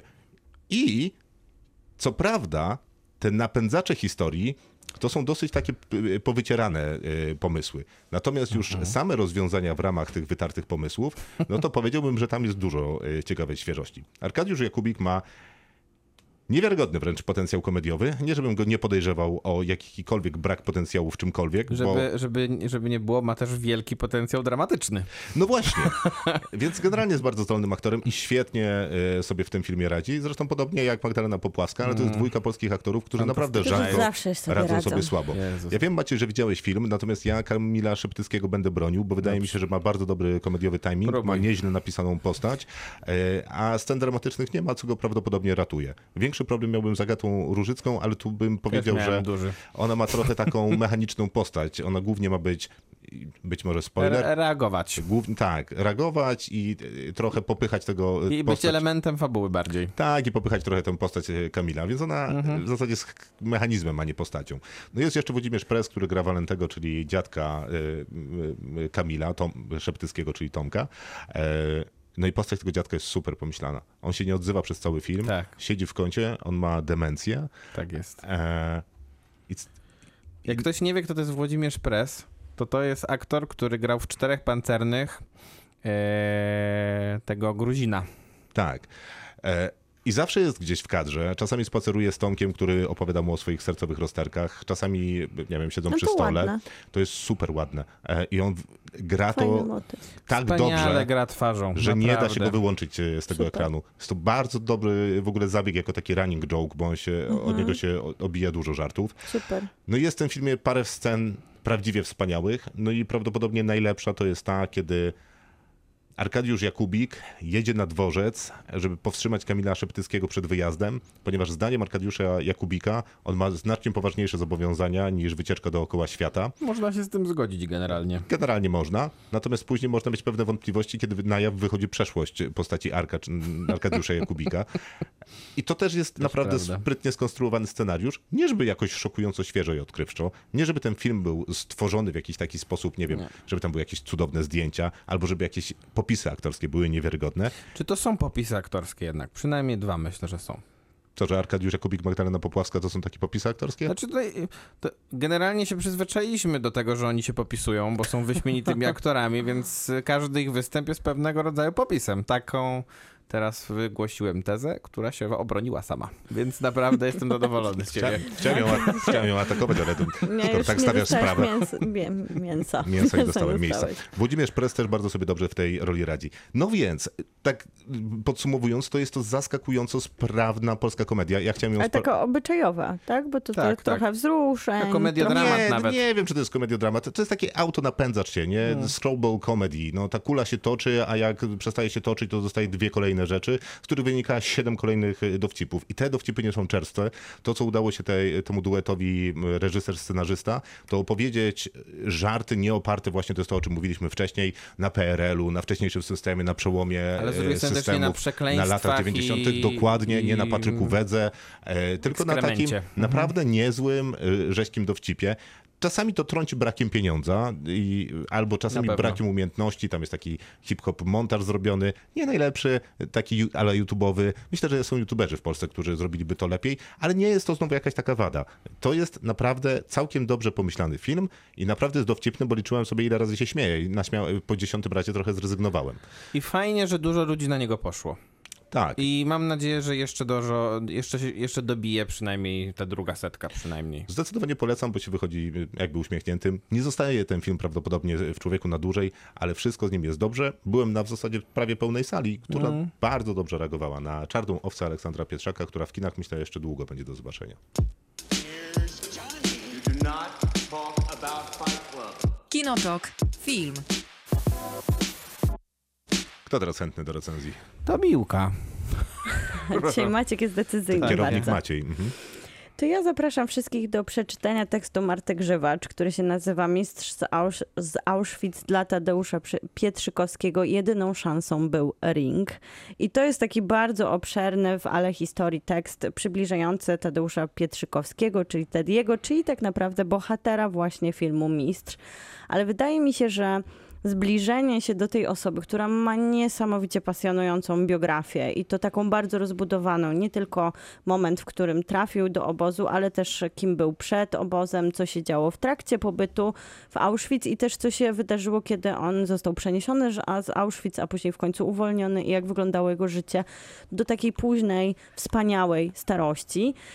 Bo Sama historia wydaje się idealnym materiałem na scenariusz, ale zwykle tak to bywa z tymi idealnymi materiałami na scenariusz, że okazuje się, że to nie jest takie łatwe, żeby zmieścić w tej no, dosyć ograniczonej ilości czasu, jaki daje film, bo może by to lepiej się opowiadało jako serial. Trzeba zmieścić jakiś konkretny wycinek z życia bohatera, Tadeusza Tediego Pietrzykowskiego, a tutaj on jest jakoś tak troszkę przemiksowany, no ale chyba najważniejszą w tej historii jest sama historia reżysera i scenarzysty i w sumie montażysty i człowieka, który ten film wyprodukował, czyli Macieja osoba? A, Barczewskiego, tak. I jest to profesor prawa, który podróżował bardzo dużo jako profesor prawa po Stanach Zjednoczonych i wtedy zaczął podglądać pracę no takich znanych amerykańskich reżyserów jak Christopher Nolan albo Michael Bay. I to była nagle jego pasja poza... Pół na pół z tymi wyborami. Proszę? Tak, tak, raczej tak. Jeden dobry, drugi słaby. Ta inna Ale sprawa można zastanawia- powiedzieć, że Michael Bay, jak Michael profesor Bay prawa, kiedy on go podglądał. jak profesor prawa przychodzi na plan i mówi co, chciałbym po- podglądać i mówię, stań tu gdzie wszyscy i patrzy przez płot? Czy...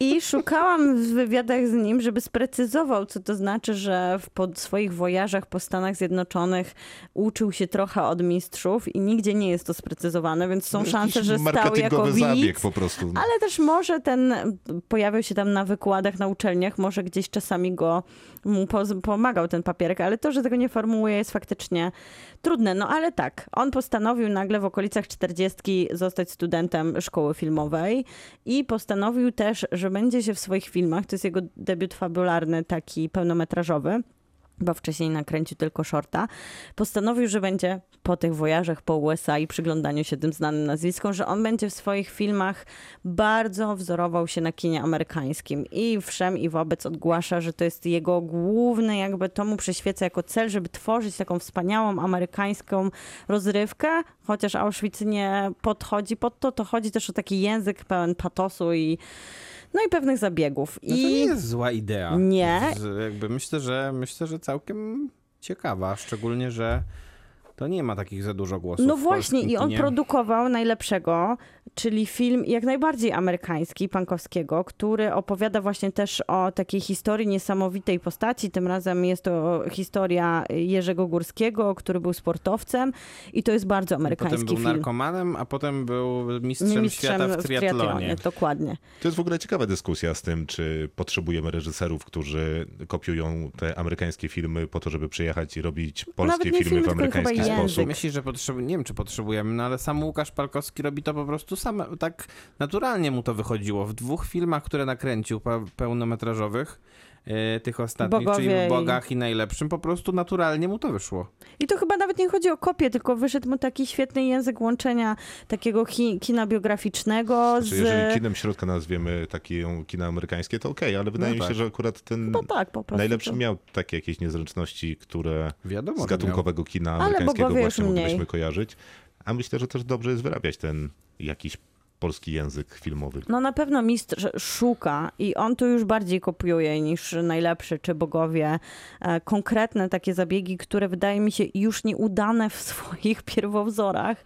Czyli na przykład takie motywy, które nazywamy takimi klasycznymi amerykańskimi wyciskaczami łez. Czyli te momenty, kiedy bohater i ktoś, kogo, kto jest dla niego ważny, oni przeprowadzają taką rozmowę, w której pada twój ojciec byłby z ciebie dumny, patrząc sobie głęboko w oczy, patrząc w niebo, wspominając imię ojca i mając jakiś taki krótki dialog o tym, jak, jak ważne jest życie i tam padają takie patetyczne słowa i takich, takich momentów jest tu sporo. No ale... Sa- brzmi jak Rocky trochę. Mm, No tak, tylko jednak mamy tutaj pokazany obóz i, i to z jednej strony jest na tyle trudny temat, na tyle brutalny, i na tyle też emocjonalnie w pewnym sensie już nas ustawiający, że trochę ten film nie daje nam oddechu, a z drugiej strony ten samo Auschwitz jest bardzo źle odtworzone. Scenografia, a to jest bardzo dziwne, bo tutaj też za scenografię była odpowiedzialna, zaraz znajdę nazwisko pani, która robiła scenografię do listy Schindlera, czyli To Ewa doświadcz- Braun. o, tak, Ewa Braun, e, która doświadczenie powinna mieć spore, a tutaj faktycznie wygląda to albo na brak pieniędzy, albo na brak zmysłu estetycznego, bo ci, boha- bo ci więźniowie są ubrani w szaty, które podobnie jak w Belle Epoque nie są wcale brudne, tak samo jak ich ręce, chociaż tam się tu tła, to jakby pracują ciężko, jest du- dużo krwi i błota, które w żaden sposób nie dotyka tych bohaterów, aż do scen, w których oni są aż nadto agresywnie umazani w, to, w tą krew i błoto.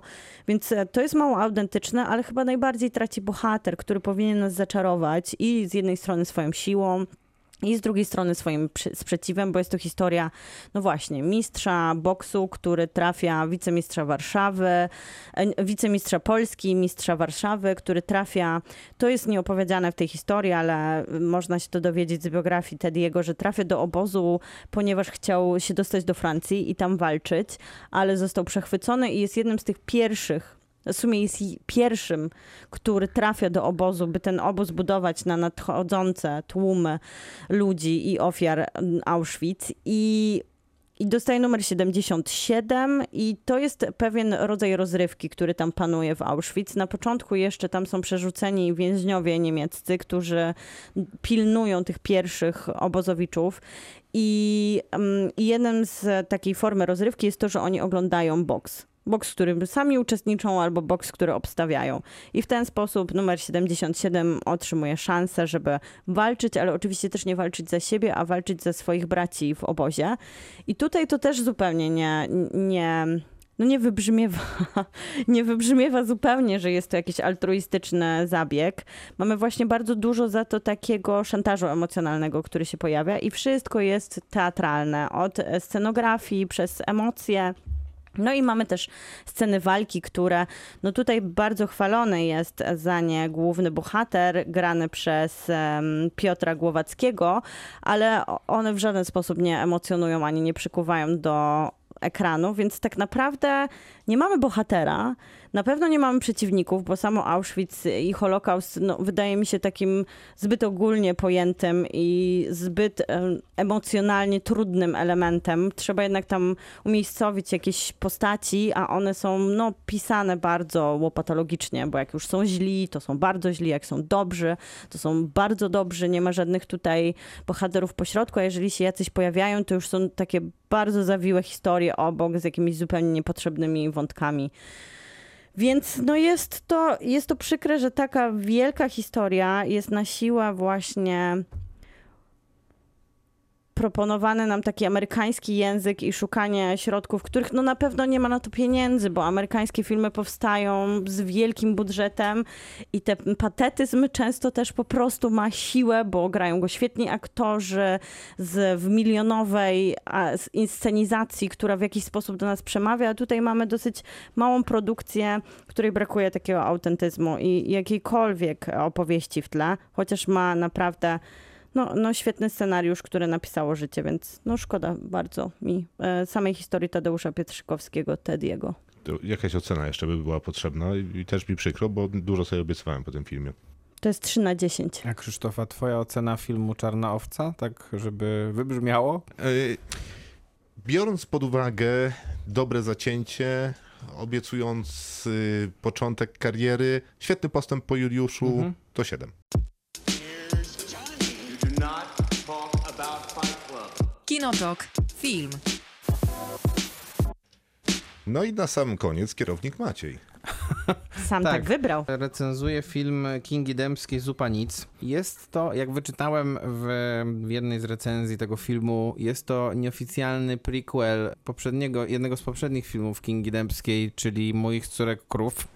A dowiadujemy się tego na podstawie tego, że postaci, które tutaj są dużo młodsze, mają dokładnie te same imiona, co postaci grane przez m.in. Agatę Kuleszę czy Gabrielę Muskałę w Moich Córkach Krowach. I jest to film który ciężko do końca fabularnie określić, bo mm, mam wrażenie, że Kinga Dębska nie starała się za bardzo, żeby tutaj napisać jakąś linearną, koherentną fabułę. I bardziej tworzy film na zasadzie takich, takich scenek anegdotycznych i jakichś takich, jakichś takich sekwencji, które mają pokazywać mniej więcej jak ten PRL wyglądał, a przy okazji robić to w sposób taki bardzo nostalgiczny, niemalże idealistyczny, Czyli taki ciepły, taki ciepły. że nie mieliśmy telewizor Że- jedynie w bloku, ale to było takie że było, urocze i fatal, zabawne, że było fatalne życie, ale, ale to, to fatalne życie było jednak kolorowe i takie, i takie miłe i się spotykali ludzie na klatce schodowej i właśnie, nie wiem, na, kupowali jedną wersalkę i, i wszyscy potem na tej wersalce spali i to, i to nie było nic złego, tylko właśnie coś takiego, co można, co można wspominać z, z, z, z nostalgią, bo było tak uroczo. A to nie jest taka trochę teza na, na przekór, że skoro wszyscy mówią, że było szaro, brzydko, beznadziejnie, nic nie można było kupić i donikąd to nie zmierzało, to teraz pokażę, a figę, ja tam widziałam miłe rzeczy. Ja nie wiem, czy to nie jest jednak em, idea trochę kina Kingi Dębskiej. Ona, y, ona opowiada swoje historie raczej w taki sposób i w takim stylu i z taką konkluzją też często, że że w tym życiu nawet takim szaroburym i okropnym można znaleźć trochę nadziei, trochę takiego kolorytu, który, mm, który nadaje tym, tym, tym teoretycznie nudnym i takim samym dniom jakieś, em, jakichś pozytywów. Zupełnie mi to odpowiada w tym filmie szczególnie, mimo że, mimo że tak jak powiedziałem, nie ma w nim za bardzo linearnej fabuły, tylko jest taka mozaika scen, w których ci bohaterowie się kłócą, potem się godzą, potem kupują mięso, potem kupują wersalkę, tak jak powiedziałem, potem się spotykają na bazarze i kupują y, liść, Futro? futro, a potem się spotykają w domu, żeby, żeby celebrować, nie wiem, urodziny jednej z bohater, jednego z bohaterów i jest to taka rzeczywiście typowa impreza, która by się kojarzyła z przełomem, myślę, lat 80. i 90., bo no nie wiem, jak ja pamiętam imprezy moich rodziców em, z lat 90., Pozdrawiamy. kiedy, kiedy, mia kiedy miałem tam 8-9 lat, no to podobnie to wyglądało. Pewnie u was też tak było, że jednak rodzice się często spotykali Było dużo Nie- kanapek. z, właśnie ze znajomymi, gdzie były te kanapki, ym, Nie wiem, dlaczego tego nie ja, ma. jaja na twardo i sałatka jarzynowa i wódka wrócić. na stole, tak? I, i, tutaj, I tutaj te spotkania też tak wyglądają. Dobra jest, dobrze jest odtworzona, wydaje mi się, ta sceneria mm, tych, em, tych lat 80., czyli już takiego czasu w PRL-u, który nastał po upadku, po zakończeniu stanu wojennego. No i dobrze jest to obsadzone, bo i Kinga Price, i Adam Woronowicz, którzy grają tutaj te główne role. E, Woronowicz gra tę samą postać, którą w moich córkach krowa gra Marian Dziędziel. Więc, e, więc całkiem dobrze jest to też wymyślone pod względem tych po prostu aktorów, którzy przechodzą z jednego na drugiego w, pomiędzy tymi filmami. E, e, oni tutaj mają dobrą chemię na tym ekranie. Nie ma, e, nie ma tutaj jakichś takich straszliwych zgrzytów, nie ma nudy. Myślę, że całkiem nieźle, nieźle ten film płynie. Jest tutaj na przykład na ekranie powracająca po wielu latach Ewa Wiśniewska, która gra e, babcię i jest naprawdę takim żywiołem na ekranie i to, to zawsze się kojarzy z tą aktorką, która która swoją, takim, swoją taką naturalną charyzmą potrafiła przyciągać do ekranu, czy to nie wiem, w Ogniem i Mieczem, czy, czy chociażby w, nawet w tym beznadziejnym przecież starym Wiedźminie. Więc więc y, jest tutaj bardzo dużo dobrych rzeczy.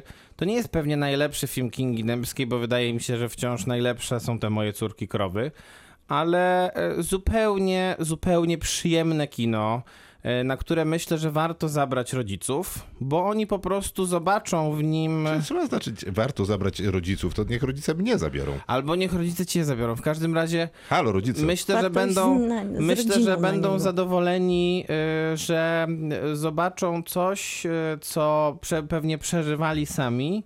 I, I że to będzie pokazane właśnie z klasą i z takim, z takim uczu, uczuciem pozytywnym, urokiem i No bo coś tam musiało być miłe. No, chociażby te Dokładnie. kanapki. Chcieli, tak, dokładnie. Musiało być coś miłe. Kanapki, no i te, te liście futra. To, to dwie takie, myślę, podstawowe rzeczy. Nie Na wiem, liście futra mówimy zdecydowane mówię nie. No to prawda, ale, ale tutaj rzeczywiście one bardzo istotną rolę mają w kontekście też takim, że bohaterowie próbują z nimi trzykrotnie przekroczyć granicę. I jest to też pewnego rodzaju inspiracja do różnego rodzaju mniej lub bardziej sz- śmiesznych żartów. Więc jest to też dosyć zabawny film i myślę, że spokojnie mogę go zarekomendować. Film będzie też do, mm, do nadrobienia później w konkursie gdyńskim, bo został zakwalifikowany. Tak, więc w razie gdyby się nie udało we, w kinie we własnym mieście, to można Tak. pojechać mm, do Gdyni. Na festiwal filmowy warto zawsze pojechać. i Ile tu punkcików? Siedem punkcików. To, to dużo punkcików. Tak jest. Kinotok. Film. No i zapowiadam, że będziemy się zajmować tym Wiedźminem z Morą Wilka od samego początku programu. Maciej odnalazł swoje krzesło, cieszymy Tak się jest. bardzo, możemy porozmawiać o Wiedźminie z Mora Wilka, filmie animowanym, który trafił na Netflixa, bo się ciekawe rzeczy z tym Wiedźminem i dookoła Wiedźmina dzieją, bo oczywiście to, że w grudniu wychodzi drugi sezon to jedno, Po dwóch latach. tak, ale dopiero co, no bo parę tygodni temu mieliśmy takie połączenie sił Netflixa i CD Projekt Red, czyli studia, które wydało Wiedźmina Trójkę i zrobili swojego pierwszego swój pierwszy konwent wiedźminowy, czyli WitcherCon, e, gdzie ten Wiedźmin z gry spotkał się z Henrym Cavillem, czyli tym Wiedźminem z serialu. I zdaje Jak się... spotkał, wyszedł z gry? Tak, tak, no spokojnie Maciej, wytłumaczymy ci wszystko. Yy, więc Jestem zdaje zadowolony się... ze swojego żartu, Widzę naprawdę. to, widzę Widać, to. widać. Więc zdaje się, że to uniwersum Geralta czy Wiedźmina w ogóle będzie się raczej rozwijać niż zawężać, więc produkcji raczej będzie w najbliższych miesiącach więcej niż mniej. I to chyba jest część tej wojny streamingowej, czyli tego, że no, każdy chciałby mieć jak największą franczyzę z jak I największą każdy chce popularnością mieć grę o tron. i odcinać od niej później kolejne kupony. Gra o Tron, Wiedźmin, wiadomo, że Disney ma Gwiezdne Wojny, Marvela, więc jest jakby zarobiony.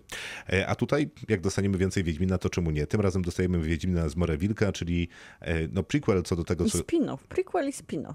Prequel i spin-off w zasadzie. Troszkę, no ale powiedzmy, no. że prequel głównie, no bo No jednak tak, opowiada tak. tę historię, która działa się również w książkach e, Andrzeja Właśnie o Sapkowskiego. to chciałem pytać, bo wy jesteście jednak ekspertami od tego i wy wiecie, czy to w ogóle było opisane rzeczywiście tak, jak jest w tym Nie. filmie, czy... Aha. Nie, bo Tutaj tam jest y, sporo wolnej Ameryki. Lambert, Geralt czy Wesemir głównie wspominają tę rzeź w Kaer Moren, czyli tę rzeź Wiedźminów, że ona się Aha. wydarzyła i że to już nie jest ta świetność co kiedyś, bo ło, kiedyś to było, A, a, teraz to jest w zasadzie w sensie bieda. tak, że po prostu, nie wiem, ktoś rozmawia o tym w i, Tak, to się no. i, nie ma, i nie ma za bardzo takich szczegółów, jakie tutaj są ujawnione jedna dłuższa wypowiedź na temat tego, dlaczego do tego doszło.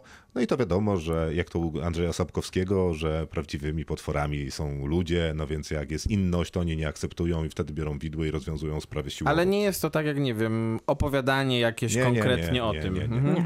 A tu głównym bohaterem jest właśnie Wesemir, czyli ten patron, y, mentor y, i nauczyciel Mentor, no. Wiedźmina Geralta, czyli tego najbardziej znanego e, i jego dochodzenie do, do wiedźmińskich mieczy.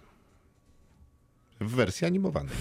Tak, brawo. Tak, Mhm. i to wersja animowana, co ciekawe, zrobił koreańskie studio Mir, które jest Parę odpowiedzialne ich, za... I Nie. Platishimisz y, A, się w tym dołożył. sensie, że się dołożyli, tak, ale w sumie to oni są, oni są markowani jako ci, którzy stworzyli to, tą animację i faktycznie jest tutaj bardzo sporo takiego odwołania do tej kreski, bo ja od tego zaczęła, którą już trochę nam Netflix zaproponował we wcześniejszych swoich produkcjach, bo na przykład... Przede Właśnie, wszystkim. bo tu chyba najwięcej tego odnajdziemy.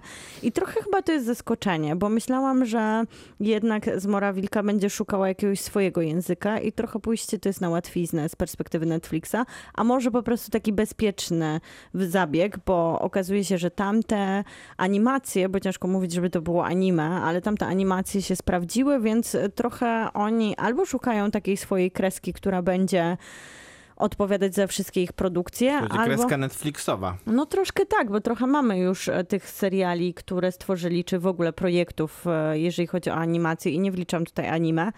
I one mają bardzo charakterystyczny styl, taki, który wydaje mi się, że jest bezpieczny, bo jest w stanie i przyciągnąć założenia gdzieś tych fanów takich dosyć hermetycznych anime, a z drugiej strony po prostu ludzi, którzy chcą być częścią tego fanowskiego świata i czy to jest animacja, czy fabuła, no to oni są otwarci po prostu na dopowiadanie do opowieści. Okej, to jeśli mogę coś powiedzieć tak na szybko, zanim, zanim przejdziemy do fabuły, Tak, to... Maciej, możesz. W dodatku nie musisz za każdym razem pytać, czy możesz. I nie musisz Yy, przepraszać. To powiem tak, że e, nie znałem tego wcześniej, bo nie jestem tak bardzo zaangażowany w animację Netflixa e, i sama kreska wydaje mi się bardzo ciekawa i, i, e, i dobrze pasująca do, do tego, co chcieli, co chciało, co miało być przekazane w tym, e, w tym filmie.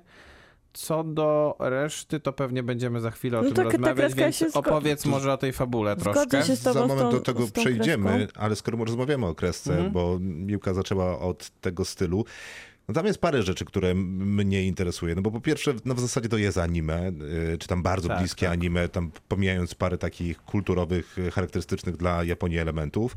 No ale kreska w zasadzie od razu nam się z anime kojarzy i poza tym to, co ten styl graficzny opowiadania, czyli również podwyższony stopień brutalności, no tutaj występuje, co wydaje mi się akurat nie pójściem na łatwiznę, tylko dosyć ciekawym wyborem, również z takich partykularnych interesów Netflixa, bo on opowiada bardzo charakterystyczną y, historię ze świata Wiedźmina, którą wszyscy znali i wszyscy chcieli y, się dowiedzieć, jak wyglądała ta rzeźka Ermoren i to jest y, no, sprawa niepodważalna. To była taka najbardziej gorąca historia, jaką można było wziąć, więc sprytnie Netflix ją wybiera.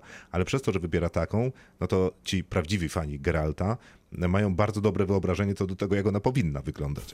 Więc Netflix jako taki, czy też producent tego serialu miał taki problem, że w zasadzie niewiele mógł tam zrobić. Czy jednak sugerujesz, że to było trochę ryzykowne? Bo, Ta- ta animacja? Bo taki backlash, czyli taki, taki negatywny, negatywny mm, odbiór ze strony takich hardkorowych fanów było bardzo łatwo uzyskać. Tylko, że ja przyjmuję takie założenie, że ci fani e, Nigdy nie są Wie- zadowoleni. Wiedźmina, to, to znaczy to jest jedna, to jest jedna z tez. I oni nie są zadowoleni generalnie, teraz. generalnie Natomiast druga- fani nie, hardkorowi czegokolwiek nie są nigdy No zadowoleni. dokładnie, dokładnie, ale są Dokładnie. jeszcze ci pozostali, którzy są po prostu fanami, znają historię e, i myślę, że to są też ludzie, którzy zaakceptują anime, więc wydaje mi się, że to był super bezpieczny ruch, a jednocześnie to anime dało sporo temu Geralt-wersowi, Mhm. e, ponieważ to jest jednak odświeżające dla e, całej tej produkcji, dla wszystkich Ale to, produkcji by, to około był granatowych. ich za, Nie, myślę, zamiar, to bo jest- Lauren Myślę, że to jest w ogóle odświeżające, jeśli chodzi o generalnie produkcje animowane. p- Pro, To właśnie e, nie, nie promowane przez, promowane przez takie duże jednak e, studio, no bo Netflix jest jednak już bardzo mocnym graczem i myślę, że myślę, że jeżeli nie robi animacji komputerowej albo nie robi animacji mm, w stylu disneyowskim, no to, e, no to to jest, to jest jedyna droga, którą można było obrać i ja generalnie tę drogę akurat akceptuję.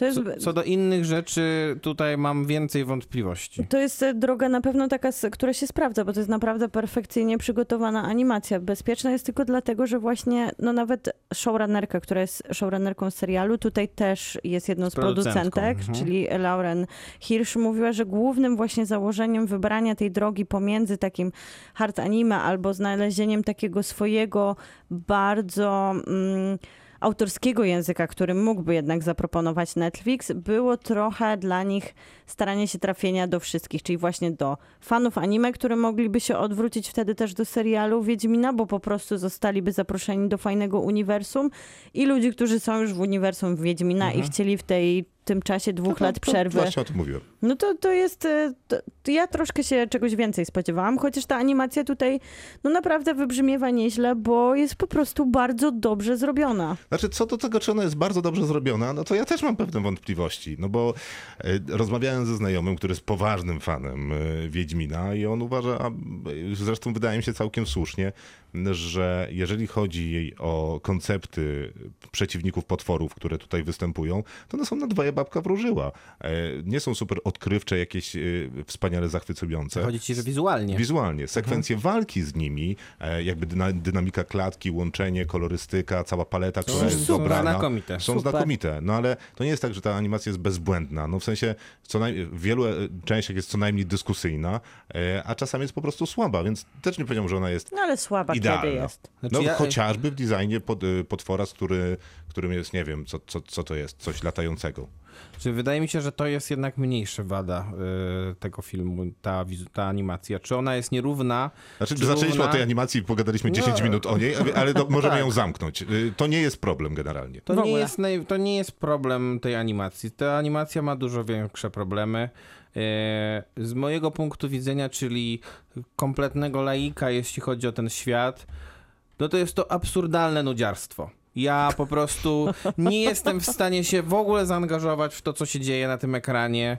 E, Jest to tak samo chaotyczne jak pierwszy sezon Witchera. Dokładnie. E, Jest bardzo trudno śledzić tę fabułę, która teoretycznie jest prosta bardzo, ale z drugiej strony em, no, możliwe, że nawet przez design postaci, ale bardziej wydaje mi się, że przez błędne decyzje reżysera i, reżysera i scenarzysty e, po prostu nie do końca na początku przynajmniej byłem się w stanie połapać z tym, co się Co dzieje. się dzieje? Ale to jest właśnie to, że nie wiem dlaczego Netflix zdecydował się na godzinę 20 na materiał, którym buduje bohatera, trochę wykraczając poza oryginał, dodaje mu historię, a znowu też Jakby odwraca się... totalnie wykraczając poza Dokładnie oryginał. i odwraca się znowu do wielkiej bitwy, która wszystkich interesuje i postanawia to upchać w godzinie 20 zamiast dać temu pełnoprawne 6 odcinków, które I- niech trwają po Prawda. 30 Dokładnie minut. tak. To jest Co to prawda. jest za decyzja? Znaczy, No i przez to też ta bitwa Wszystko e, traci na tym nie ma, e, e, nie ma dobrego tego, nie, Nie ma wybrzmiewa. dobrego, nie wybrzmiewa dobrze, bo, Nie bo ona trwa 3 minuty. Dokładnie. Znaczy, to jest prawda, że ja t, t, jak nigdy jestem za tym, że akurat ta produkcja powinna mieć 6 odcinków, Tak. y, a nie godzinę 20, albo co byłoby pewnie łatwiejszym rozwiązaniem, no wyrzucić część wątków z tego y, filmu, bo mnie w zasadzie podobają się wszystkie i całkiem mi się podoba historia, która jest opowiedziana, poza tym, że jest poskracana przez to, że no jest to krótkie. Mhm. Natomiast najbardziej mi przeszkadza i w tym serialu się nie podoba sam Wesemir, czyli główny bohater, którego poznajemy za młodu i dowiadujemy się, dlaczego on zdecydował się, bo jest ochotnikiem zostać Wiedźminem.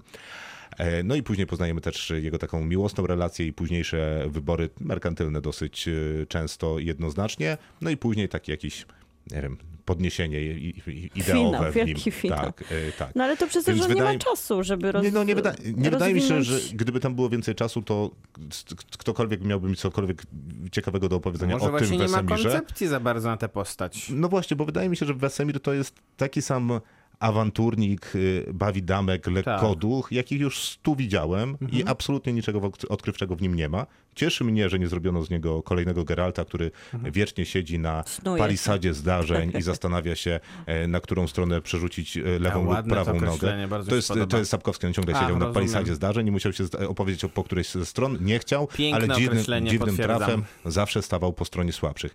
E, No i dobrze, że, nie, że Wesemir był z kolei takim e, odwróceniem Geralta, czyli Skupionym na cieście.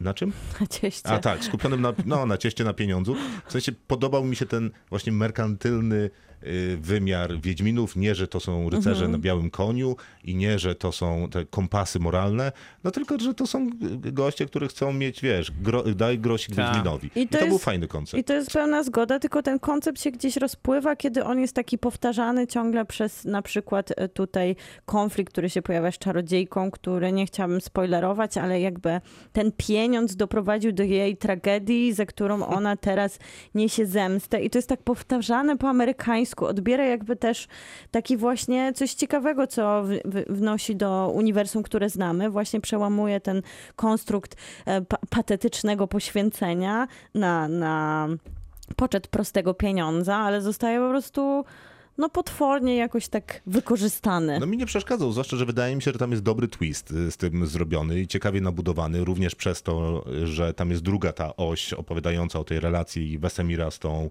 jego y, Ilianą. koleż- Ilianą, koleżanką z dzieciństwa, e, która do pewnego momentu jest z nim i żyje z nim. E, A później tam jest całkiem ta ładna opowieść o tym, że czas jest wszystkim albo czas jest niczym, zależnie od perspektywy.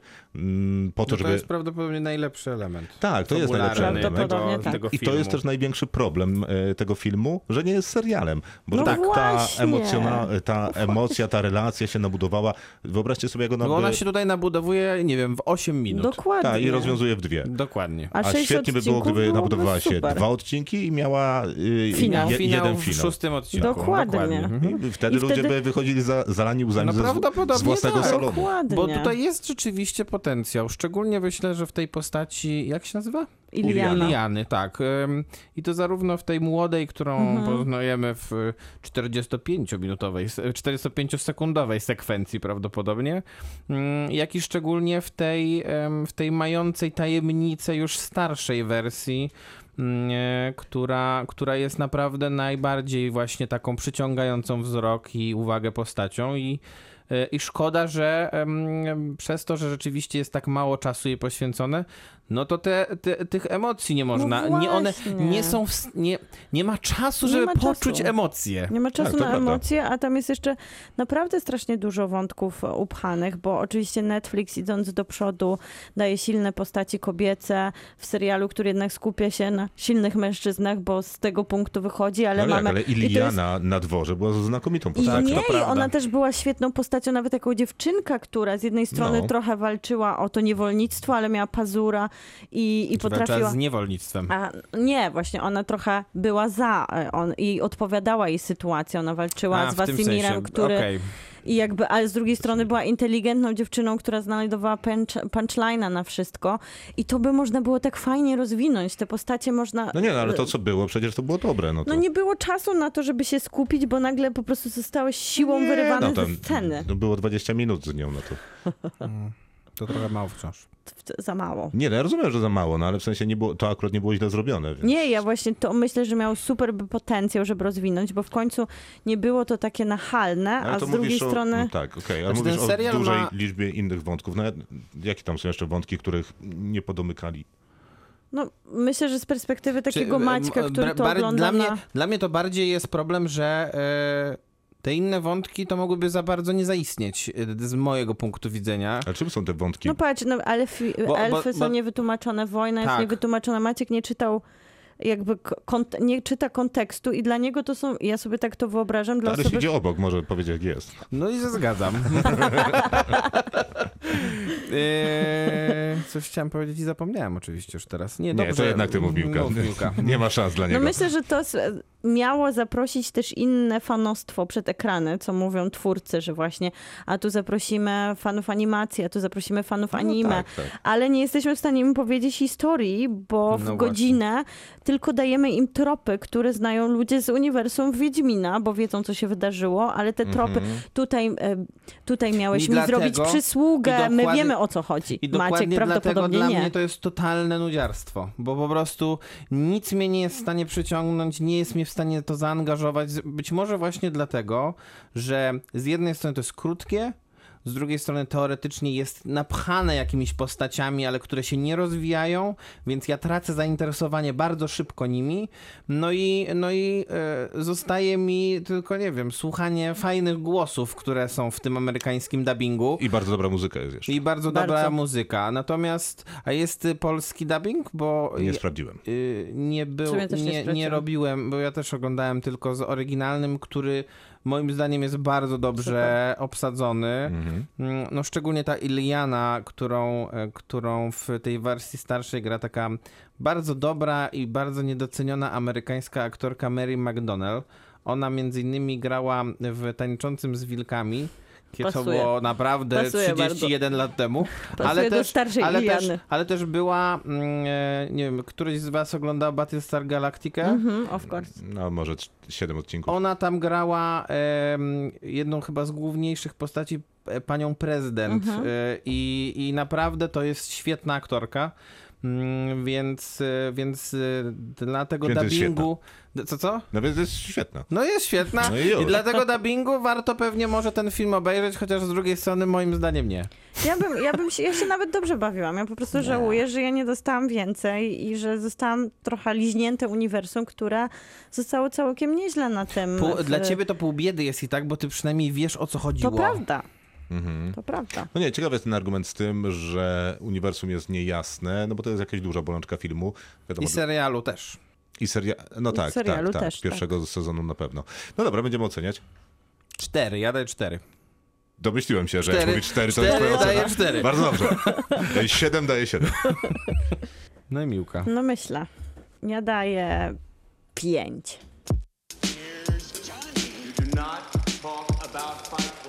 Kinotok. Film. I to wszystko na dzisiaj w Kinotoku. Przynajmniej w Wow. audycji, dla- jakby ktoś słuchał podcastu, to też wszystko w podcaście. Bardzo dziękujemy i zapraszamy do subskrybowania na Spotify'u. Zapraszamy, trzeba zapraszać znajomych, y, sąsiadów i ten, wszystkich, którzy są lub będą zainteresowani słuchaniem nas, bo mówimy mądre rzeczy czasem. Czasem nie, ale zwykle tak. Na dwie godziny jedna się zdarza. Bardzo dziękujemy. Zostawiam Państwa y, w rękach tej dwójki y, śmieszków Na na, miesiąc. co najmniej cztery tygodnie. No strasznie najmniej? będziemy płakać. Tak. To jakieś Jej. są plany na przykład na Nie, przedłużenie? jest, nie jestem w stanie y, policzyć, ile to jest poniedziałków. No to my będziemy Jadę. walczyć w twoim imieniu też. Jest szansa, że obejrzę jakiś film. Możesz napisać Tak? wiadomość, jak ci się podobało. Dodamy cię do naszych ocen. Tak.